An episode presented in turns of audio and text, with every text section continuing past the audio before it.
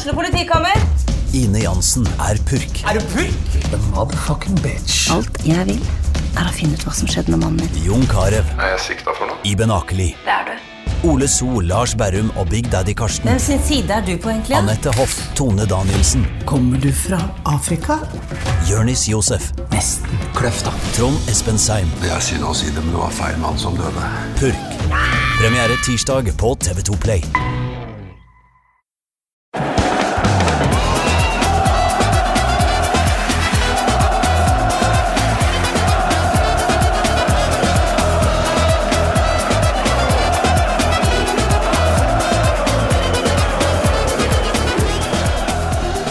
Hjertelig velkomne til en ny episode av Pyro og Pivo. Vi er nå på dag seks, kanskje, i den nye tidsregninga. Dvs. Si tiden etter at Norges Fotballforbund sa at uh, hvis dere vil drikke øl på stadion, så er det ikke opp til oss å nekte dere.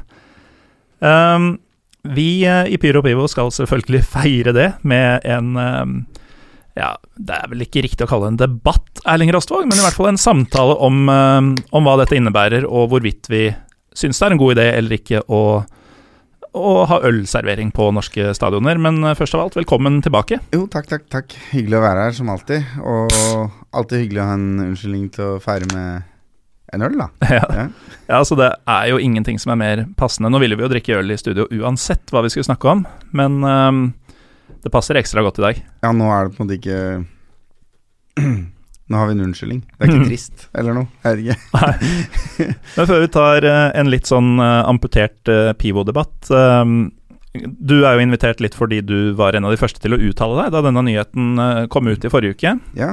Eh, og i samme sak så var det en dame fra KrF som eh, uttrykte seg negativt. Eh, hun var jo også invitert hit, Mm. men eh, jeg fikk ikke svar på mail. Høres det kjent ut eh, sånn fra våre tidligere episoder sammen? At, ja, eh, vi har jo sittet her før, vi, og, og krangla med spøkelser.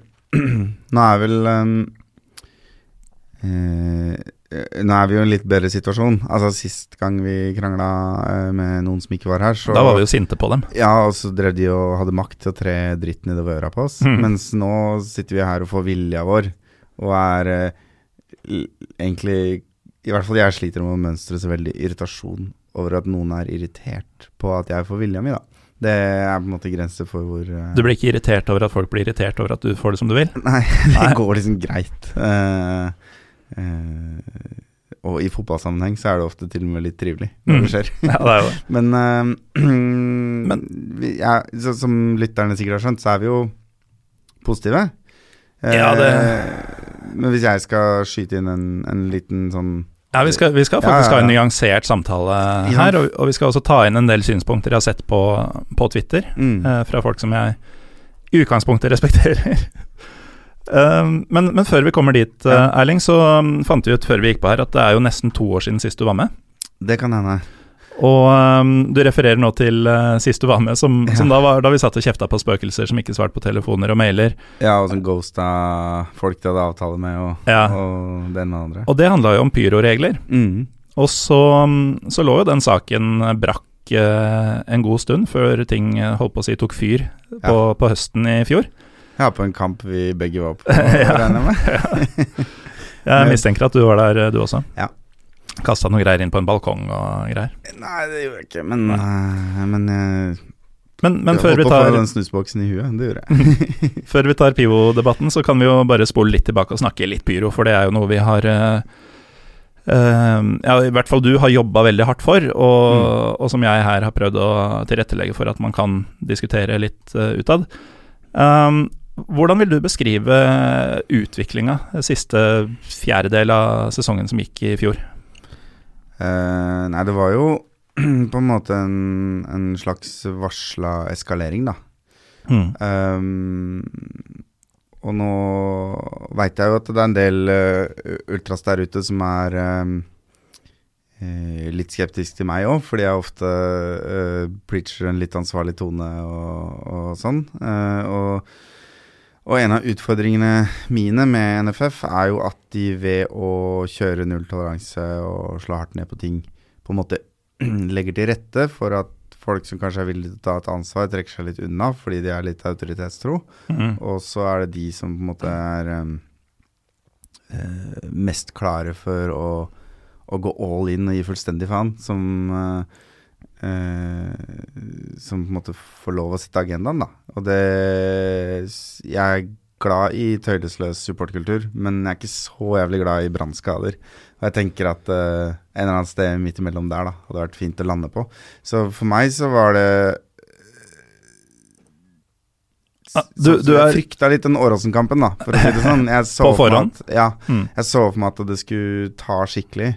Eh, på en måte som på en måte ville skade pyrojobben for alltid. Mm. eh, og at det skulle um, eh, Og at det skulle på en måte bare eskalere ytterligere, da. Fordi hvis, for da ville Da så jeg for meg at neste, neste nivå skulle være at eh, At det blir døra blir stengt for godt, alt blir forbudt, eller noe sånt. Og så eh, sier et samla supporter Norge at okay, da er det ingen vits å bry seg om noe lenger. Og så bare Mhm. eskalerer det, eskalerer det. Og til slutt så får du en sånn greie hvor vi holder på med ting vi syns er fett, og hele resten av samfunnet hater oss, ønsker ikke å stå ved siden av oss på tribunen og syns det er Ikke skjønner hvorfor, ikke sant. Mm. Uh, men så var det ikke det som skjedde. Nei, det skjedde jo noe helt fantastisk. Ja, det, det skjedde liksom nesten alt hva jeg frykta skulle skje i den kampen, skjedde. Mm. Eh, og så gikk jeg Gjorde et telefonintervju i studio. Eh, i, eh, på, På Eurosport? Eurosport, ja. Mm. Eh, og da fikk jeg jo muligheten til å fortelle det jeg hadde fortalt deg eh, et år tidligere, nesten. Nemlig at vi hadde en dialog med NFF, men som endte opp i at de sa 'ring meg i morgen', og så bare slutta å ta telefonen. Ja. Eh, og da skjedde noe jeg aldri har vært vitne til før, og det var at et helt Altså et, et samla panel av liksom såkalte eksperter, da, med Dresskledde TV-folk Dresskledde som TV-folk som er de etablerte, som ikke er henta inn for å være klovnen i studio, bare var samstemte i at her er jo NFF som har lagt opp til hele greia. Og de, de er jo aldri enige om noe. Nei. Altså er det en gult kort-situasjon. Mm. Så er det jo alltid én som tar dissens i, i diskusjonen. Ja, og det gjør de sikkert litt for å få debatt òg, men Mm. her var det bare De bare dundra løs på liksom NFF i et kvarter, og det har jeg aldri opplevd før. Og det satte jo også tonen i media de neste par månedene.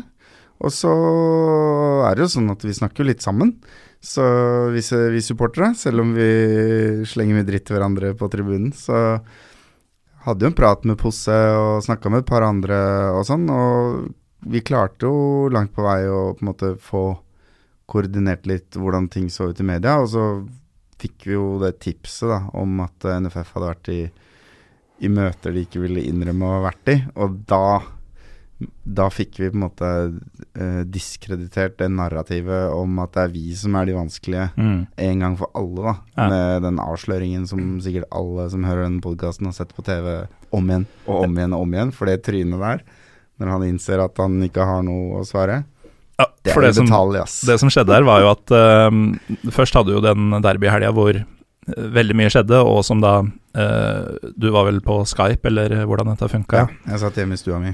Og, og studio mente at nå er det på tide at vi nyanserer dette litt. At Mm. supporterne er tydeligvis ganske veltalende og, og, og har forsøkt å være eh, modne og ansvarlige rundt dette, og møtt motbør. Og så går det jo da en uke, og så har de faktisk fått Mr. Ghosting uh, sjøl, Nils Fiskekjønn fra NFF, til å stille i debatt mot Posse. Altså, Men det er jo en slags perfekt storm, tror jeg, da, fordi eh, det er jo en blanding av at det blir et medietrykk mot NFF de ikke kan ignorere, samtidig som hoveddelen av kritikken går på at de ignorerer henvendelser. mm, De er nødt til å stille opp. Eh, og så valgte de, si, heldigvis for Pyrosaka, å stille uforberedt. da. Ja, eller eh, ja, uforberedt er vel ordet. Ja. Um, litt rart at de tilsynelatende undervurderer eh, Bjørnar Posse Sandbo før de går inn i den, eh, den diskusjonen der. I og med at eh, Jeg har aldri vært representant for en supporterklubb og snakka med folk utafor supportmiljøet uten å bli undervurdert. Nei, men altså, dette er jo en fyr som, eh, som tross alt har skrevet utrolig mye eh, innlegg på eh, NSAs sider, og, og vært mye i dialog med dem. Altså, de, Mm. de må jo ha skjønt at de har med en oppegående fyr å gjøre. Ja. Eh, men Det kan du si. Det var noen travle uker der hvor eh, både jeg og Posse og flere andre fikk jo henvendelser fra nyhetskanalen og fra det ene med det andre, og det var jo Det var et medietrøkk, Mhm. men med nesten utelukkende positivt fortegn, da. Og veldig ofte når jeg uttaler meg i media, så er det jo enten eh, hva skal Vålerenga unngå for å rykke ned? Må treneren ha sparken? Eller hvorfor er supportere idioter? Jeg må svare på, liksom. mm, Mens for en gangs skyld så var det Kan ikke du komme og fortelle oss litt om hvor hvordan er vanskelig det er å være for dere, Ja. og hvem som burde skjerpe seg? Og det er en helt annen situasjon å være i nå. I forrige uke, eh, og dette må jeg nesten få lov til å skryte av, fordi eh, som du sikkert vet, så har jeg det ganske vondt for tida. Eh, I forrige uke så var det årsmøte i Lillestrøm sportsklubb, mm. og der ble det fatta et vedtak Det fikk jeg med meg. som aldri i livet ville funnet sted hadde ikke den høsten som, som var, Mm. foregått på den måten det gjorde. LSK skal altså nå offisielt jobbe for en legalisering av, av pyrobruk, med Spesielt fokus. på stemningsfyring. Ja. Og, og det er jo akkurat den delen som supporterne virkelig ønsker seg, det å kunne kjøre på litt sånn underveis i kampen, ikke det, til Men det er også denne Jeg forstår at det er vanskeligst for oss å få gjennomslag for, på en Mm. måte. Uh, så det at uh, At det klubber på en måte på papiret stiller seg bak, da trenger vi Mm. nesten ikke å jobbe for det heller. Fordi da er det uttalt offentlig at det er Mm. vår holdning. Og hvis mange nok klubber bare mener det, så er det jo sånn at uh, disse idrettsorganene stort sett er medlemsstyrt, da. Ja, og, og det har jo ikke fått noe sånn det, det har ikke vært en fordømming fra fotballforbund og toppfotballen og sånn mot LSK at dette er noe sånn renegade eh, faenskap. Uh, det har jo fått skje ganske stille, så det vil si at nå er denne, nå er denne esken åpna, og det er bare Ja. å følge på. Ja, og signalet til alle andre klubber er at det har ikke negative konsekvenser å gjøre det. Du risikerer ikke å bli eh, sanksjonert av forbundet. Mm. For selv om forbundet ikke kan gi deg bøter for det, så har de mange måter å sanksjonere på. De kan Mm. f.eks. ikke lytte så nøye til hvem du ønsker deg som seks- 16. mai-kampsmotstander, Mm. eller eh, om du ønsker seriestart hjemme eller borte. Eh, så forbundet har mange måter å på en måte hva skal jeg si, stramme halsbåndet på klubbene på. Men det at det ikke tilsynelatende ikke har fått noen konsekvenser, er jo er en veldig, veldig fin situasjon, da. Mm. Men så har vel ikke forbundet så mange muligheter her heller. Nei, de har kanskje ikke det. Men uh, vi, må, vi må snakke Vi må litt om gjøre eh, Pivo også, Erling. Uh, til dere som har kommet litt seint til festen her, så er det vi refererer til med ghosting og, og den slags, det er episode 70. Altså uh, 26. juni 2018 var sist du var med, Erling. Oh. Da sitter vi to i ekkokammeret vårt og um, kjefter opp bl.a. Nils Fiskekjønn og svært mange andre, Mm. og lurer på hvorfor det ikke går an å ha en ordentlig prat om pyrobruk i Norge. Eh, Det har vi til en viss grad fått, så da huker vi av for den. Og så, Check. Piro Pivo har mye makt, setter agendaen i samfunnet. ja, ta bare en 15 måneder eh, før. Ja, ja. ja, ja. Baby steps. Ja, det er såkalt latenstid, som vi snakker om i spesialpedagogikken. Ikke sant? Um, nå er det ikke lenger Fotballforbundet som eh, nekter oss å drikke øl på stadion, Erling. Mm. Uh, det kom ut i forrige uke og skapte jo en del blest på sosiale medier, men det har ikke vært noen sånn stor samfunnsdebatt, eh, føler jeg. Hva, hvorfor ikke? Nei, det er jo øh, Det er kanskje en generell holdning i Norge at øh, At hvis du Eller det, det å gå hardt ut og være motstander av at folk må få gjøre hva de vil med seg sjøl, er på en måte en øh, Det er en risikabel posisjon å ta. Du legger deg laglig til for hugg, og KrF gjorde jo det, liksom. Mm. Men det gjør de alltid, og det er på en måte De prater til menigheten, bokstavelig talt. Uh, så jeg, det er sikkert noen som rynker på nesa av det, som ikke tør å si noe. Helt sikkert. Uh, for jeg merker jo det at debatten nå er veldig sånn eh, all in, dette må vi bare gjøre. Eh, det finnes ikke en grunn i verden til å tenke sånn to ganger før man dundrer inn i dette. Og det Jeg er positiv til, eh, til at det skal være mulig å nytte seg en, eh, en halvliter på tribunen. Eller i hvert fall under tribunen. Ja. Men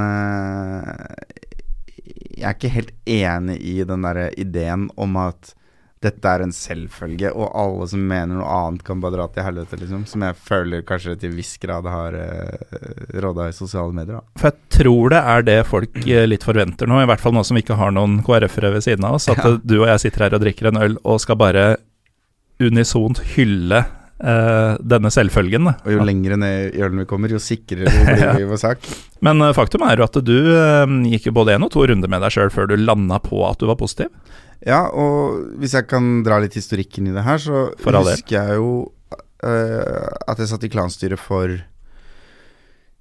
ha, åtte år siden, kanskje, eller noe, og diskuterte problemet med for mye flatfyll på kamp. Mm. Da primært på bortetur, da.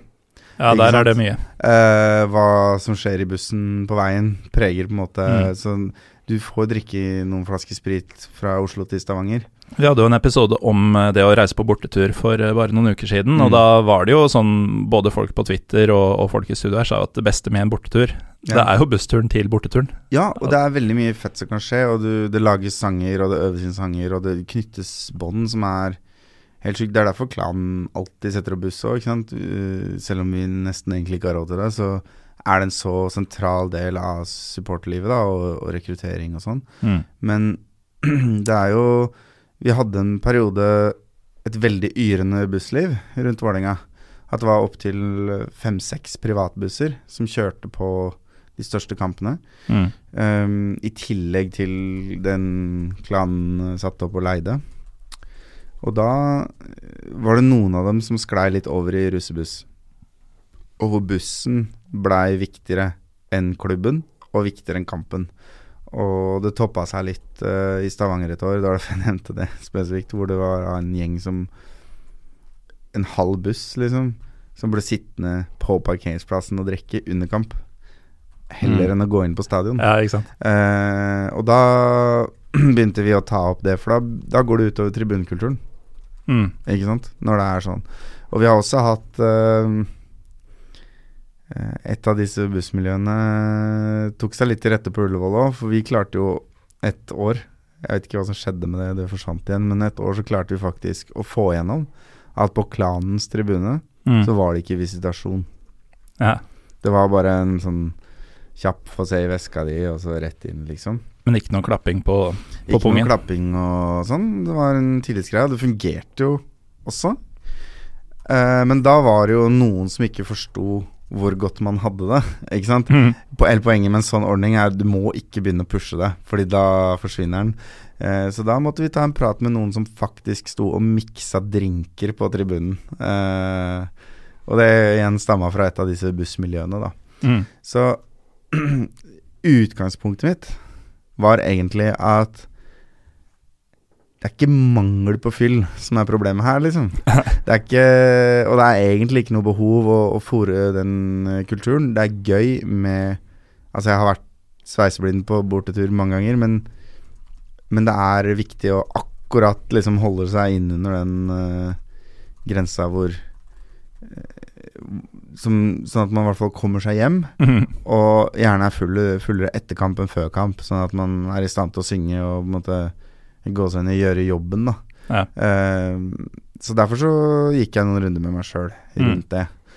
Uh, og så har jeg vel landa på at um, uh, At for det første så har det alltid vært en sånn blodig urettferdighet i at Vippen liksom står og drikker øl og ja. slenger dritt ned til oss. Jeg, jeg, har noen punkter ja. her med, med, en del uh, hva skal vi si, påstander som jeg ja, tenkte at vi kunne, vi kunne ta. Og, men, men, før vi kommer dit, så er jo dette uh, hvorvidt dette er en særlig forskjell fra tidligere praksis. da. Mm. Uh, altså, Det er jo ikke en revolusjon, faktisk, det at forbundet mm. nå ikke sier nei automatisk lenger. fordi det har vært alkohol på deler av stadioner, i hvert fall enkelte, tidligere. Mm. Uh, Forskjellen nå er jo at nå er det ikke bare pampen, men også rampen som eventuelt kan få tilgang. Og da går det gærent, vet du. Da går det gærent. Oi, oi, oi. Ja, men det er, det er jo et veldig viktig poeng at uh, ikke, ikke, bare har det vært uh, mulig å få servert en øl på f.eks. Ullevål stadion under Vålerengas kamper da vi var der, mm. uh, men det har jo i perioder vært Vålerengas viktigste inntektskilde. Mm. Ikke selve ølsalget, men salget av disse her Ullevål Business Class-suitene. Ja. Liksom. Mm. Så kom finanskrisa og endra litt på det, men, men um, det, det var det var mer inntekt på det enn billettsalget på hele stadion. Mm. Og mer inntekt på det enn sponsoratet til Hafslund. Ikke sant? Det Ja. var den viktigste inntektskilden, kanskje, til Mm. Vålerenga. At folk kunne drikke øl på firmabillett i en, uh, en losje. Uh, så det Så det er ikke liksom bare en inkur eller noe som bare skjedde, eller noe som overså noe. Det har jo vært liksom et bevisst bevisst valg da, fra Ja. klubbene. Og da føles det, og spesielt da vi sto på Vestbredden og hadde drita vippere som holdt med alle mulige slags lag, enten av og til ingen av de som spilte, og ofte motstanderlaget, henger én meter over oss, Vestbredden er da langsida, ikke sant? langsida, Mm. Henger én meter ut over oss, fra liksom mellom øvre Ja. og nedre der, og skriker dritt fordi de er drita og har drikke på kamp, da det er flere grunner til å bli irritert, da. Så, så hele den, liksom, den demokratiseringsbiten er jeg jo veldig for, tenker jeg. Ja. Det, det føles helt gærent at det, de skal liksom få ting tilrettelagt, mens, eh, mens eh, vi som tross alt er en viktig del av opplevelsen, ikke skal få det. Nei, ikke sant. Og så er det jo et annet aspekt her som vi bare må få klarhet i med en gang. Det er jo fortsatt ikke snakk om å drikke øl på tribunene. Mm. Uh, dette er jo noe som åpner for at Og, og du må fortsatt få tillatelse fra altså, grunneier, kommune, lokale myndigheter. Det er fortsatt mye som skal på plass. og alle de der. Ikke sant? Mm. Um, men uansett så vil det jo bli sånn Jeg tipper mange av lytterne har vært på kamp i England. Mm. Der er det jo sånn du kan ikke, i hvert fall ikke på, i proffotballen, da, eh, så kan du ikke drikke øl noe sted hvor du faktisk kan se banen. Eh, I hvert fall ikke ordentlig. Ja. Eh, du må liksom rundt et hjørne eller inn i en Mm. spesiell mm. kiosk eller sånne ting. Og, det er jo den løsninga det, det eventuelt blir også. Ja, I hvert fall på, på vår stadion blir det sånn. Mm. Fordi det er ikke noe Det er ikke noe vinduer i vår tribune. Mm. Så med mindre du er på tribunen, så er du bak en betongvegg. Mm. Eh, og så er det jo noen praktiske begrensninger òg, ikke sant. Hvor er nærmeste ølfat? Eller plassering. Mulig plassering for et ølfat som det går an å tappe med av på en fornuftig måte. Mm. Så for vår del så blir det mest sannsynlig snakk om å, å slippe folk ut faktisk utafor stadion, da. Ja. Eh, men på en sånn eh, Sånn inngjerda alkove med Ja. gjerde igjen. Så Se for meg et partytelt med sånne der, de der klassiske konsertkøgjerdene som du hekter mm. ned i beina på hverandre for å få dem til. Ja, å henge sammen. Ja. Sånn skikkelig usjarmerende opplegg, egentlig. Ja. Men, men det driter folk i, så lenge det er eh, enten noen flasker eller, eh, eller en kran. Jeg er usikker på om ølkonsumet kommer til å gå opp, da. Det er også noe vi skal prate litt om, og siden du tar det opp, så kan vi Mm. begynne med det med en gang. Altså ehm, Du og jeg eh, Mm. veit jo at eh, når det nærmer seg kampstart, når folk koser seg på puben, Mm. og man ser at det nærmer seg, faen nå må vi komme oss av gårde snart, Ja. da er det mange som gjerne kjøper eh, kanskje to som de skal drikke kjapt, Mm. eh, med en shot eventuelt, for å rekke å få i seg før de skal av gårde. Frykten for å bli edru i løpet av 90 minutter Ja. er sterk i enkelte. Og min tanke er jo umiddelbart at disse folkene vil det bli færre av. Eh, de kommer seg opp til stadion, hvor de kanskje for det første går av seg litt på veien. Mm. Eh, ikke så sannsynlig det på hos dere, kanskje, hvor eh, Nei, der er en tre del av ja. Men der sitter Men- jo folk enda lenger, ikke sant? Mm. sitter de til liksom ti minutter uti kampen før de løper inn. Det er Ja. helt sjukt. Ja. Nei, men altså, jeg, jeg tror at uh, der det er uh, en viss distanse å reise, som, som i Lillestrøm uh, Man går jo Mm. praksis ut av Lillestrøm, faktisk over i Kjeller, for å komme seg til Åråsen. Ja. Ehm, at man da på det kvarteret det tar å gå der, eh, for det første kanskje får den friske lufta man trenger, og for det andre eh, Du veit at når du kommer fram, så kan du ta deg en liten en der også. Jeg, Mm. jeg tror tempoet rett og slett synker. Det har jeg også trua på. Og så tror jeg kanskje at hvis du da faktisk lar være å styrte to, Mm. så er det ikke sikkert du drikker to på stadion heller. Nei. Eh, fordi Altså, så eh, Dette er ikke en utfordring til lytterne å finne et unntak, for det er jeg helt sikker på at dere klarer. Eh, du kommer sikkert til å finne én fyr som sitter rundt det hjørnet, bak betongen, Mm. og drikker hele matchen. Ja da, han fins. Men eh, Men her eh, også for det jo folk flest så tenker jeg kanskje at da, da nøyer deg med en i pausa, da. mm. Og hvis klubben din i tillegg eh, evner å løse det litt dårlig, med treige betalingsløsninger og, og litt få på jobb. Som de vil gjøre på Åråsen. Eh, som de så langt har gjort i kioskene, i hvert fall. Mm. På, på, på Valle. Så er jo eh, Så er det jo mange som bare kommer til å gi opp når de ser køen også. Ja, ikke sant. Mm. Um, og så er det jo det at um, man kan jo legge inn all mulig slags restriksjoner på det. Så én ting er jo at man mest sannsynlig kanskje bare vil få kjøpt fram til avspark, Mm. og så kanskje i pausen, og så Mm. er det slutt. Um, eventuelt etter kampen. Men at man kanskje rett og slett kutter av dette under kamp. Mm. Uh, og jeg ser også for meg at det kan være en sånn, sånn type Du viser fram boardingkortet når du skal handle i taxfree-en på flyplassen, ikke sant? At du faktisk må beepe billetten din ved et kjøp, at du har en grense på kanskje tre i løpet av dagen. Ja. Altså, sånne ting er helt sikkert mulig teknisk å, å legge inn. At, uh, at man kan hindre den flatfyllvarianten på stadion. ja, her blir det jo sikkert Jeg tipper klubbene vil kvie seg for å legge inn for avanserte løsninger Mm. før de eventuelt må, da. Ja. Så det blir jo sikkert litt prøving og feiling i starten. Um, Men potensielt så kan man, kan man sikre seg ganske bra på sånne ting. det er ting. mulig å begrense ting Mm. uh, ganske greit. Og um, uh, Ja, jeg, jeg er jo Jeg tenker jo som så at uh, det er jo ikke som om folk ikke drikker på tribunen Nei, per i dag. Altså jeg har hørt noen rykter om hva som foregår hos dere. eh, ikke fra din side, kanskje, men, men som du ser eh, folk du ikke veit hvem er, og som følgelig vil være anonyme, Ja, ja, ja. eh, rundt omkring på, på hjemmematchene deres. Fortell litt om Det en hva som foregår. Det er en tradisjon for underberger på våre tribuner. Den Den er lang og god. Mm. Eh, Og utbredt, eller? Ja, i hvert fall, hvert fall på midten. Mm. Eh, og særlig i hva skal vi si, den eldre delen da, av klanen. Den som på en måte har holdt på. Den, vi har jo en låt som avsluttes med eh, Vålinga der oss, vi skal drikke tran i Moss'. Mm. Eh, og der handler det jo om at eh, eh, Nå har jeg hørt et par versjoner av den fortellingen, så det er sikkert noen som kommer til å arrestere meg på det, men det er et eller annet med at eh, for veldig, veldig mange år siden så ble det delt ut smaksprøver på tran i forbindelse med fotballkamp.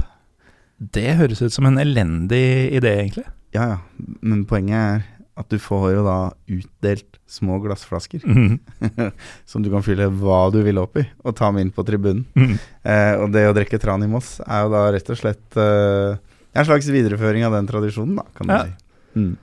Altså, if there's a will, there's a way. Og så Ja. har man jo det mm, Altså, en annen mm, Et annet argument som går igjen, da, som også denne fraværende KrF-politikeren uh, fremma i, i den nyhetssaken som du også uttalte deg i, Mm. var jo at um, uh, idretten uh, bør være en alkoholfri arena. Og sånn i seg selv, ikke en dum tanke. Nei. Men jeg lurer litt på hva, hva er det som skiller idretten fra andre kulturelle ting? Altså det å gå på en fotballkamp eh, i forhold til det å gå på en konsert, eh, for eksempel. For der er det jo ingen som snakker om at det nødvendigvis skal være alkoholfritt. Nei, det kan du si. Uh, det som er unikt for idretten, er jo at det på en måte er tufta på ideen om fysisk fostring. Og renhet. Ja, som, jo, som noe som er sunt for deg. Mm. Eh, og det er jo ikke til å stikke under en stol at veldig mange foreldre mener jo at barna deres bør drive med idrett, fordi da lar de være å, å gjøre andre dumme ting, Mm. som man gjerne gjør i tenåra. Og så stemmer ikke det helt, men det er jo riktig at eh, hvis du f.eks. Uh, drar Altså, jeg har vært i Danmark med et idrettslag, jeg, og blitt full, men, men eh, det var ikke lov, da. Og det var begrensa, og, og det var foreldre til stede som vi måtte snike oss rundt, og, og en del sånne ting. Så at det, eh, Hvis du hadde sammenligna det med om den samme gjengen hadde dratt til Danmark uten foreldre Mm. eh, i 15-årsalderen, eller hva det var, så, så ville det nok blitt en helt annen historie, da. Så idretten har jo en tradisjon for å på en måte fungere som en motvekt til festkultur og alkohol. Mm. Eh, som f.eks. av konserter eller teater eller hva det måtte være, aldri, aldri har hatt. Mm. Eh, så jeg har forståelse for hvor den tanken og ideen kommer fra, men jeg tror kanskje det er et poeng å, å skille Nå skal jeg si et ord jeg hater, men du må skille idretten eh, som, hva skal jeg si, eh, allment samfunnstilbud og verktøy for folkehelse fra produktet idretten som pushes på TV, da. Ja, og det er et ord jeg hater, men nå er det jo engang sånn at man som samfunn da har gått inn og, og prøvd å skape en um, eh, En underholdningsgreie da av eliten, ikke sant? Det er Og ikke, og ikke, ikke bare Opprinnelig så oppsto det kanskje tilfeldig, eh, med litt lokalprater og tisme, og så balla det på seg og ble gøy, men, men sånn som fotballen er i dag, på godt og vondt, så er det jo på en måte Så dyrkes jo den delen av det veldig. Ehm, og, og da er det ikke lenger fysisk fostring, uh, avholdspolitikk og, og på en måte sunne holdninger som, som preger det. Eh, det kan godt hende det er fornuftig at de som er ute på banen der, fortsatt er forbilder for barna våre. Mm. Eh, men, men hele settinga er på en måte så langt fjerna fra resten av idretten at ja, det er idrett de bedriver, men jeg mener at det er mulig å gjøre argumenter for at uh, TV-fotball, og med stadion rundt, Mm. uh, ikke egentlig er en del av idretten i klassisk forstand. Da. Ikke, ikke med alle de konnotasjonene, ikke med alle bredden, ikke, ikke i den konteksten man snakker om. Man snakker om den norske modellen. Mm. Fordi det er en egen greie som lever sitt eget liv oppå toppen der. Og som er helt avhengig av det som foregår under. Mm. Men, men, uh, men det er et argument for at uh, For at hele ideen om idrett som alkoholfri sone ikke kanskje er gyldig da Nei. på, på topp uh, eliteseriekamper. Ja, så er jo også spørsmålet i hvilken grad eh, er de eh, Er supporterne eh, forbilder for Man snakker jo gjerne om barna når man tenker på dette med alkoholfri arena og sånn. Um, de er jo der for å se heltene sine ut på banen, Mm. um, og, og, og det er dem de vil ha autografer til og, og sånn. Men jeg må jo innrømme at da jeg var uh, ung og, gikk på stadion, så var det jo noen sånn De supporterledertypene Mm. jeg hadde litt sånn eh, de, de, de var ikke noen sånne superstjerner som jeg skulle ta selfie med og sånn. Nå fantes jo ikke selfie da jeg var ung, men ehm, jeg, jeg, så, sånn jeg så opp til dem, da. Så, så, så det er jo faktisk uh, utrolig nok litt sånn forbildepreg eh, potensielt også på tribunen. Uh, Ja, altså tenker jeg at uh, dette er veldig individuelt, ikke sant. Eh, hvis du eh, vokser opp i et borettslag hvor på en måte alle på, i Oslo øst f.eks., hvor mm. hvor det er en eller annen form for fellesskapsfølelse, og også han litt rare fyren som sitter og drikker klokka tolv, er inkludert i de greiene.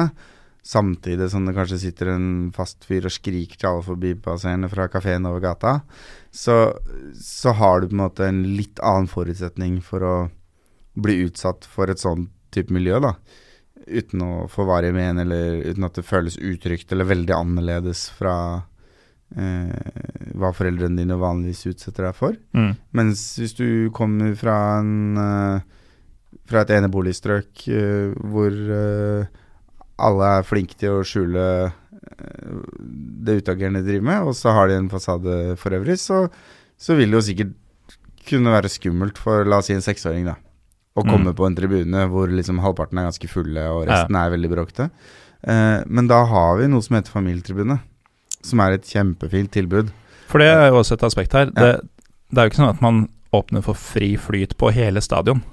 Nei, det er jo opp til klubben og delvis skjenkemyndighetene. da. Mm. Eh, og der tenker jeg at eh, der bør det jo være en begrensning. Mm. Det bør være mulig å gå på den kampen på en alkoholfri sone. Ja.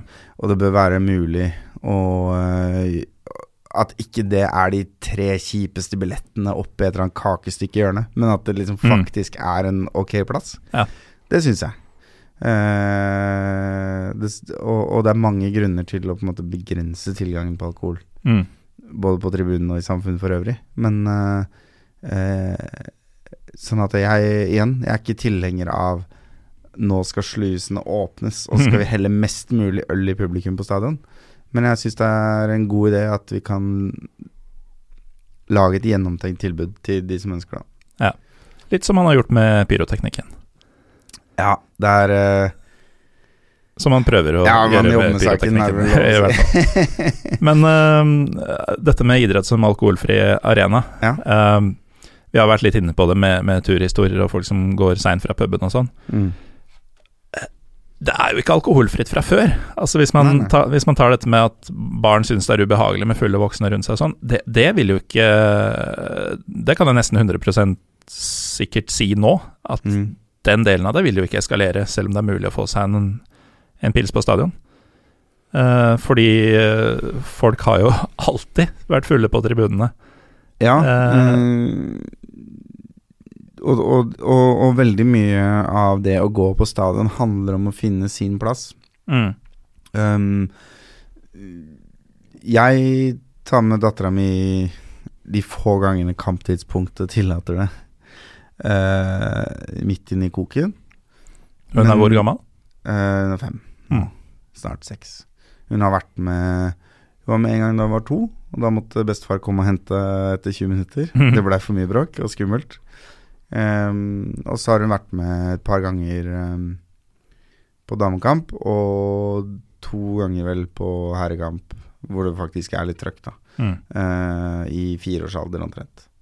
Uh, og det har gått fint. Uh, og det er spennende, og så er det kanskje litt mer spennende med popkorn. Og så er det litt sånn rare spørsmål av typen Men de leder jo, kan vi ikke heie på de isteden? Ja. det, Hva, hva Det er det med han tid. fyren der? ja, ikke sant. Og, og sånne ting. Um, men ikke sant? Hvis ikke jeg hadde følt meg 100% trygg på midten her, Mm. hvis jeg hadde vært usikker på Å, er han fyren til høyre der voldelig, eller noe sånt? Jeg er jo i en så privilegert situasjon at jeg står i et kokende område med en fast gjeng og er liksom på hils med 50% av alle rundt meg på tribunen Mm. til enhver tid. Så meg, jeg utstråler en trygghet, og da er unga mine trygge også. Men, så andre folk trenger kanskje å stå litt på siden, da. Mm. Eller på en annen tribune. Men, men det her er jo også overførbart til, eh, til pyrodebatten, da. Eh, Ja. Det er jo noe man har sagt at For der har man også prøvd å eh, Motstanderne har jo sagt at barna syns dette er skummelt, og Fotballforbundet hadde jo fått så mange mailer om, eh, om eh, folk som måtte gå hjem tidlig fra LSK Vålerenga og sånn, som verken klubbene eller noen andre har fått med seg. Men eh, det handler jo, med, eh, handler jo om hvordan tar eh, de voksne rundt det, det som skjer. Mm. Det være seg om det går av et bluss eh, 50 meter unna, eller om eh, en fyr som sitter 10 meter unna er litt høyrøsta og vuggende. Mm. Um, det er jo hvordan du som ledsager eller de andre voksne rundt det tar det, som, Ja. som, som holdt på å si i stor grad bestemmer hvordan barnet også skal reagere. Ja, og så er det på en måte mm, Det er f.eks. et godt argument for å ikke bruke så, my så mye, eller kanskje ikke i det hele tatt, bangers, da. Fordi det er på en måte en Du identifiserer ikke kilden. Et bluss det ser du, og så kan du velge å trekke deg unna, eller du, du har liksom kontroll på hva som foregår, og hvor det er. Ja, en banger kan du jo skvette av. Altså, Du, kan, du skvetter du skikkelig, og, og du aner ikke om den var nærme eller langt unna. Mm. Det er hele en greia med at det er jo tross alt en anselig an- mengde folk i samfunnet vårt som kan få litt sånn PTSD-vibber av at det smeller litt høyt og sånn. Ja, klart det. Um, og, Det og det er mange grunner til det, og, og jeg føler at det er sammenlignbart med f.eks. å servere sprit da, på Mm. tribunen, som jeg syns er en forferdelig dårlig. Det overførbare til bangers er kanskje å servere flasker med sjampis og, og poppe de eh, ja, det ville vel først og fremst blitt flaut, altså. Mm. Men uh, ja. Vi, men, men for å ta det et skritt videre Det jeg, jeg, det, det jeg kanskje syns kritikerne glemmer litt, er jo at det er jo ikke, noe, det er jo ikke sikkert at det blir så veldig mye ølservering på stadion.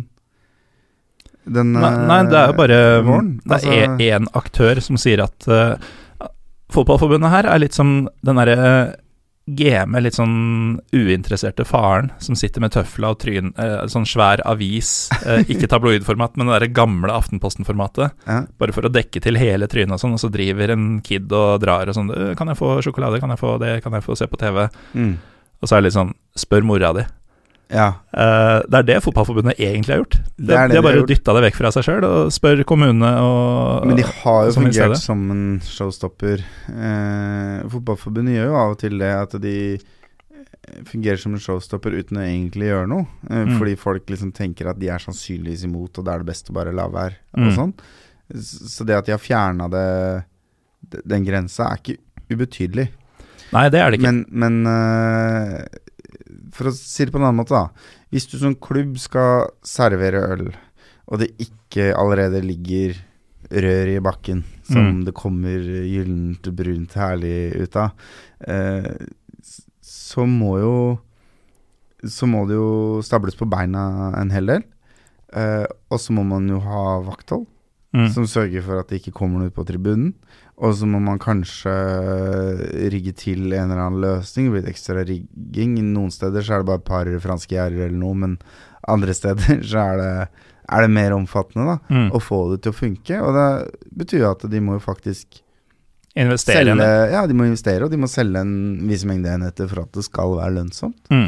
Og øh, og, øh, og, og det i en kontekst hvor aggressiv pushing av alkoholen sannsynligvis akkurat nå rent politisk ikke er så jævla smart. Da.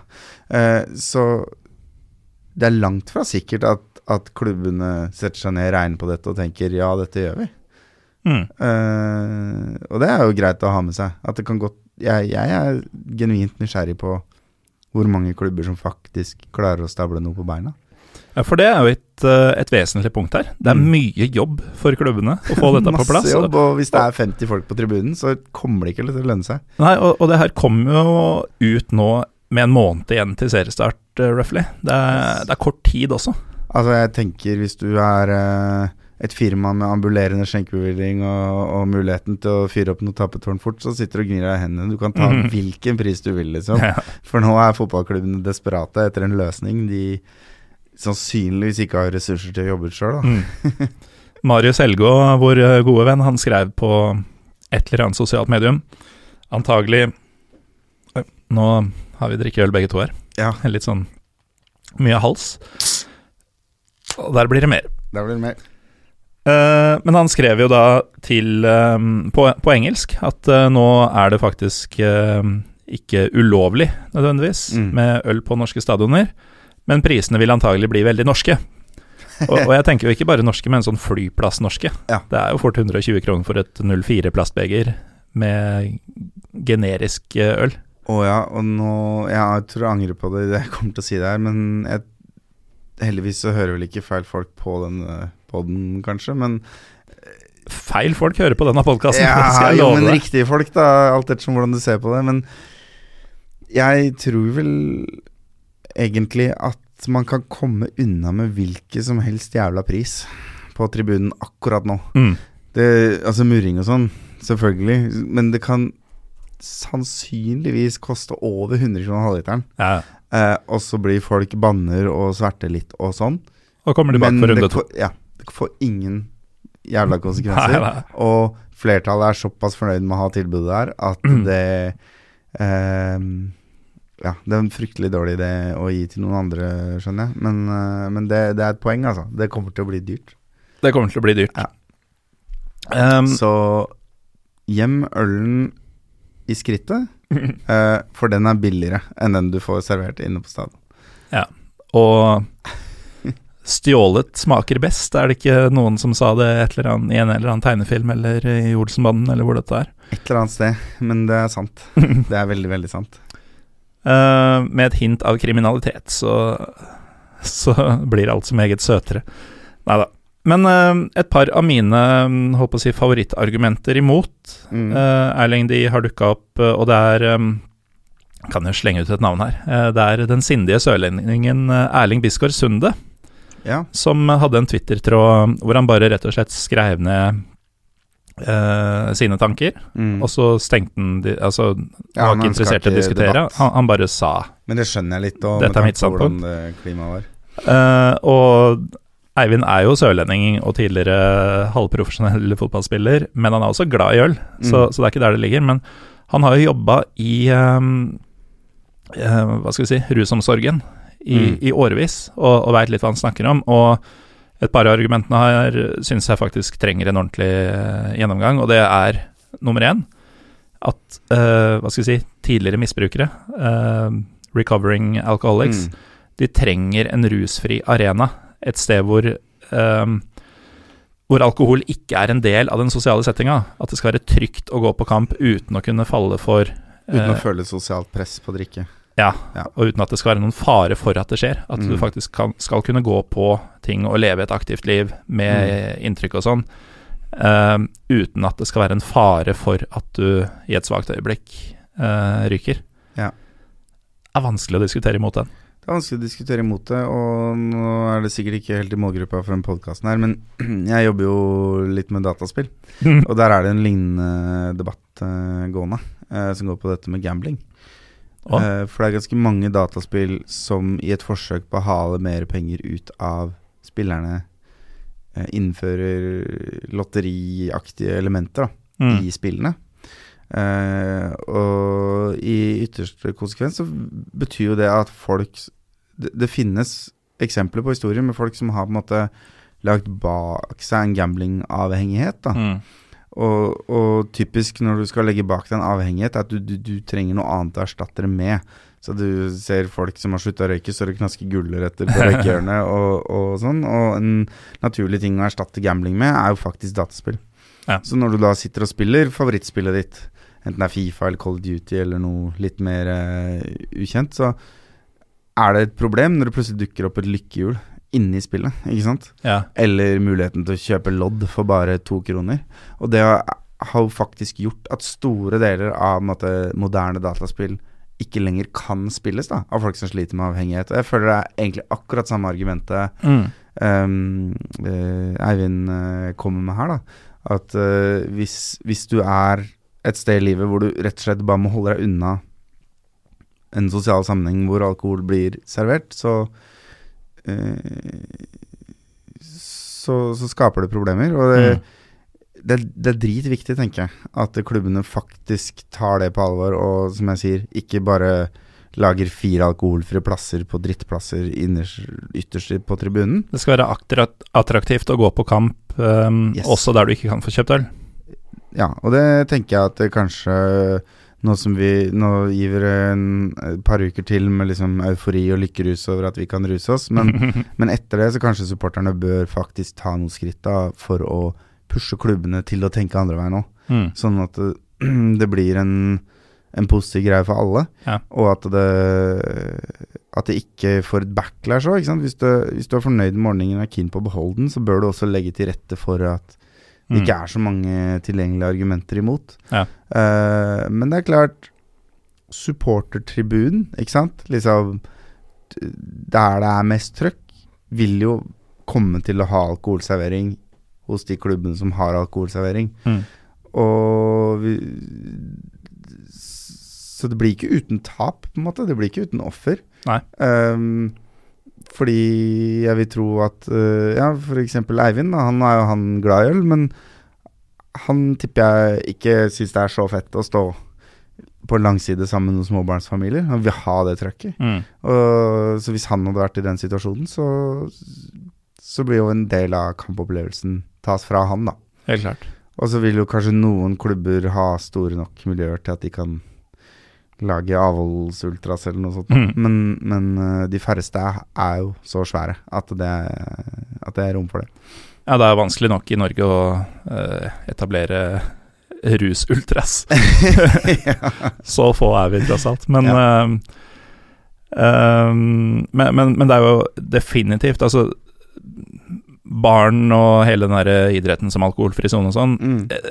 kan man på sett og vis torpedere litt. Mm. Men, men akkurat den her, den, den har jeg ordentlig respekt for. Ja. Um, og litt hånd i hånd da, er jo det at um, uh, i, i Norge, og, og det kjenner jeg litt til fra, eh, fra mitt eget dagligliv også, ikke sant. Uh, at uh, når man får lønn på en arbeidsplass, Mm. så er det lønningspils. Mm. Det er ikke ute å ta en lønningskaffe eller Nei, nei, nei. lønningsbingo. Altså, Det er et press, ja.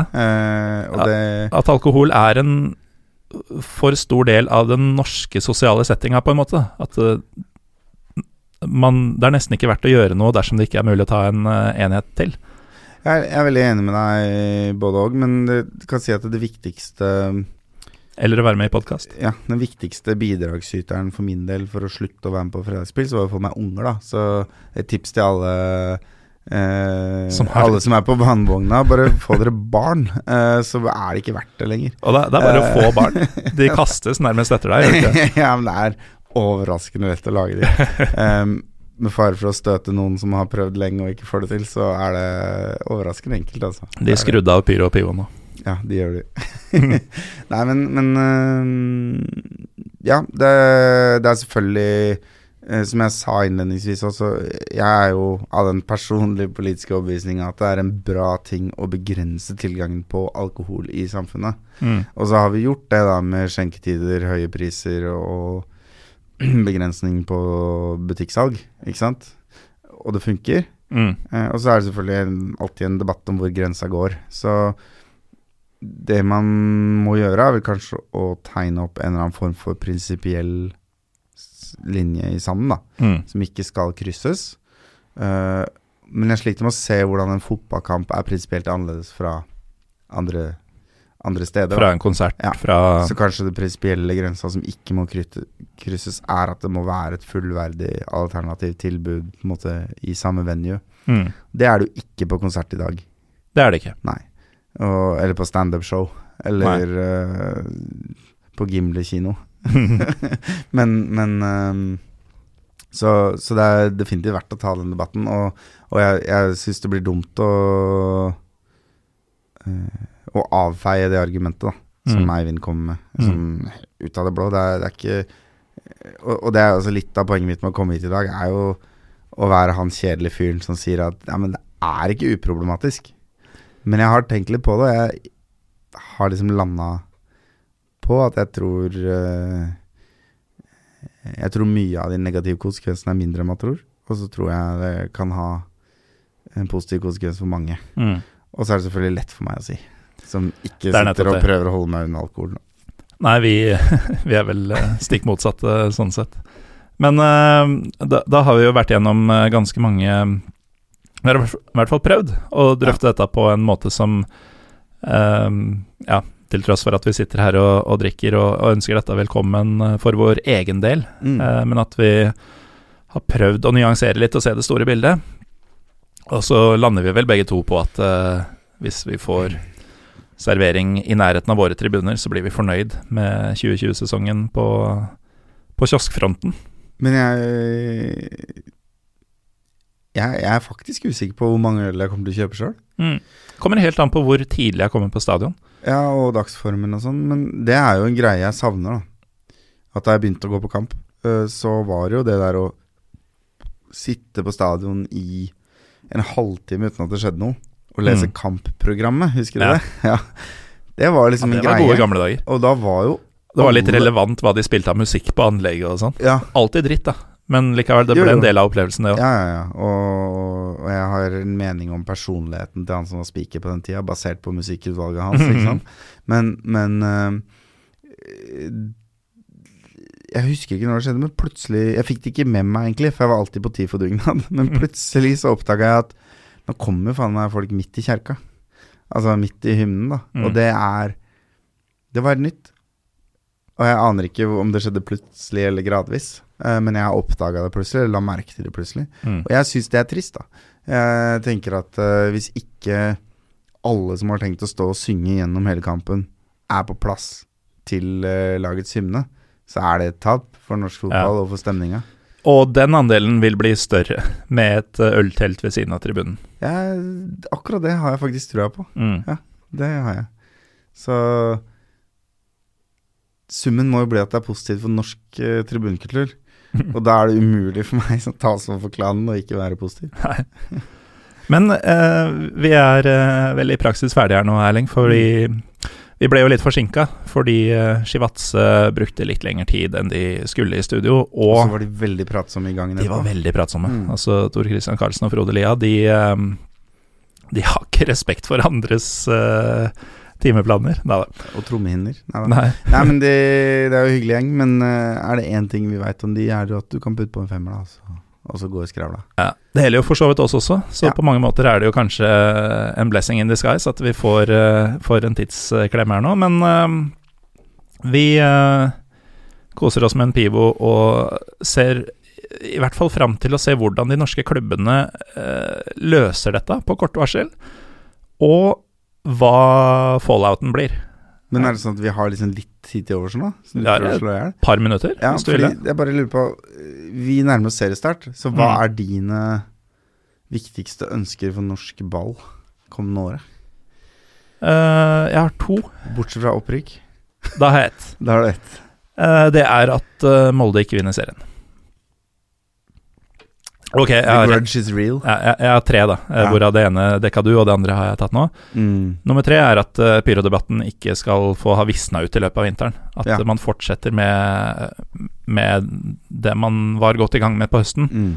Som på en måte fikk en liten sånn uh, Det, det oppsto et lite vakuum i, i kjølvannet av de første par ukene etter derbyet, Mm. hvor alle fyra, og så ble Ja. det litt sånn reasoning med klubbene og sånn, og så var det noen, noen som kjørte videre, og noen som på en måte Ok, nå roer Ja. vi oss ned, og så tar vi dette på årsmøtet, f.eks., som i Mm. Lillestrøm, da. Um, så jeg håper jo at um, man ikke har glemt, og at man ehm, At de kreftene som styrer, altså klubbene, uh, til en viss grad forbundet, som til en viss grad Eller toppfotball, da, Mm. kanskje i større grad. Um, åpna litt for å snakke om dette. Jeg er, eh, jeg er både håpfull og ekstremt urolig for akkurat det greiene der. Fordi Ekstremt. urolig Ja, det det jeg trodde Eh, jeg Men det viktigste grunnen til at jeg er urolig, tror jeg, er at jeg ikke er hands on sjøl, da. Så jeg er en del av noen interne chattegrupper hvor jeg får litt oppdateringer innimellom og sånn. Blant annet der jeg hørte om eh, Lillestrøms årsmøtes vedtak. Mm. Men uh, det å ikke liksom sitte og passe på at ordlyden er bastant nok og sånn, er kjempeskummelt for Ja. en som er vant til å faktisk skrive regelverket, liksom.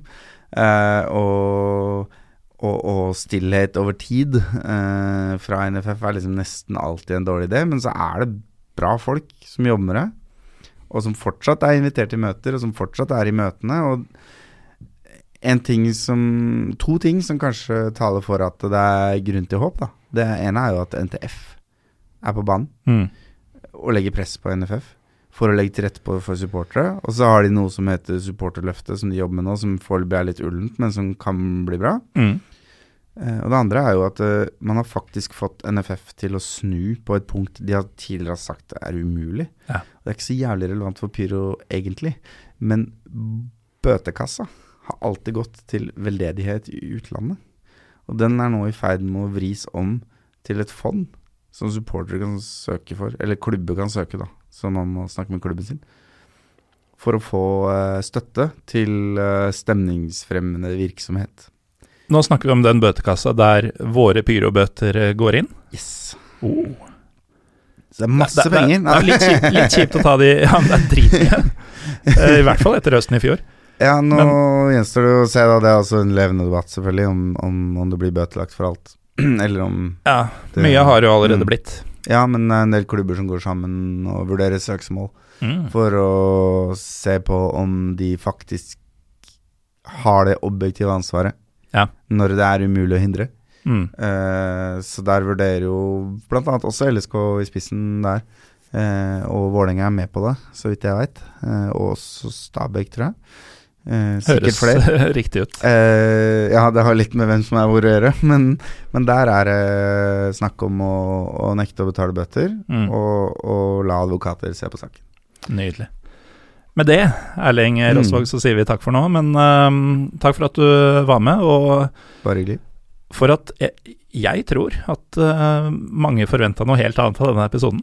Så takk for at du hadde tanker både en og andre veien eh, på dette her. For det, det trengs faktisk, oppi all euforien over og for å få lov å ruse oss, som du sa. Ja, vi sparer euforien til tribunen.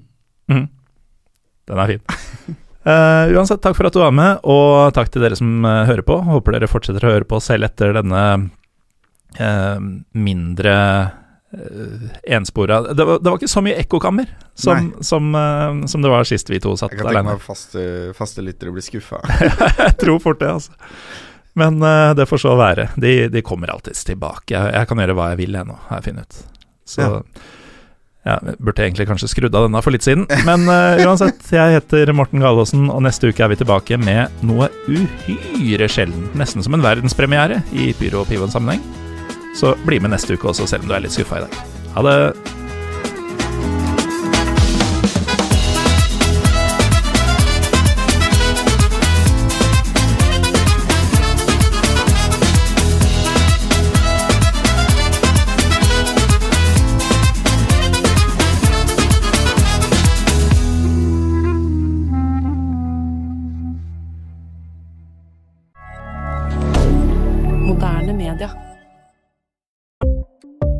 Ukens annonsør er HelloFresh.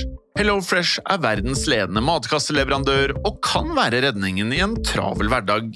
Mange av oss har nok vandret i butikken både sultne og uten en plan for middagen, som ender med at vi går for de samme kjedelige rettene gang på gang. Middag burde være dagens høydepunkt. Som HelloFresh kan du nå velge mellom 25 ulike retter hver eneste uke, eller få HelloFresh til å sette sammen menyen for deg. Dette gir deg muligheten til å prøve nye og spennende retter alene eller sammen med familien. Du velger antall porsjoner og får alt levert på døren på et tidspunkt som passer for deg. Oppskriftene er enkle, og maten er lett å lage både for store og for små. Ved å få alt levert hjem får du også mer tid til å dele matgleden med familie og venner. Kanskje det frister med asiatiske tacos eller greskinspirert kylling? Da kan jeg anbefale deg om å gå inn på hellofresh.no. Her kan du bruke koden FOTBALL og få opptil 1779 kroner i rabatt på de første fem matkastene hvis du ikke har prøvd HelloFresh tidligere. Du kan også bruke rabatten hvis du har vært kunde og stoppet abonnementet ditt for tolv måneder siden eller lengre. Gå inn på hellofresh.no og bruk koden FOTBALL. Har du et enkeltpersonforetak eller en liten bedrift?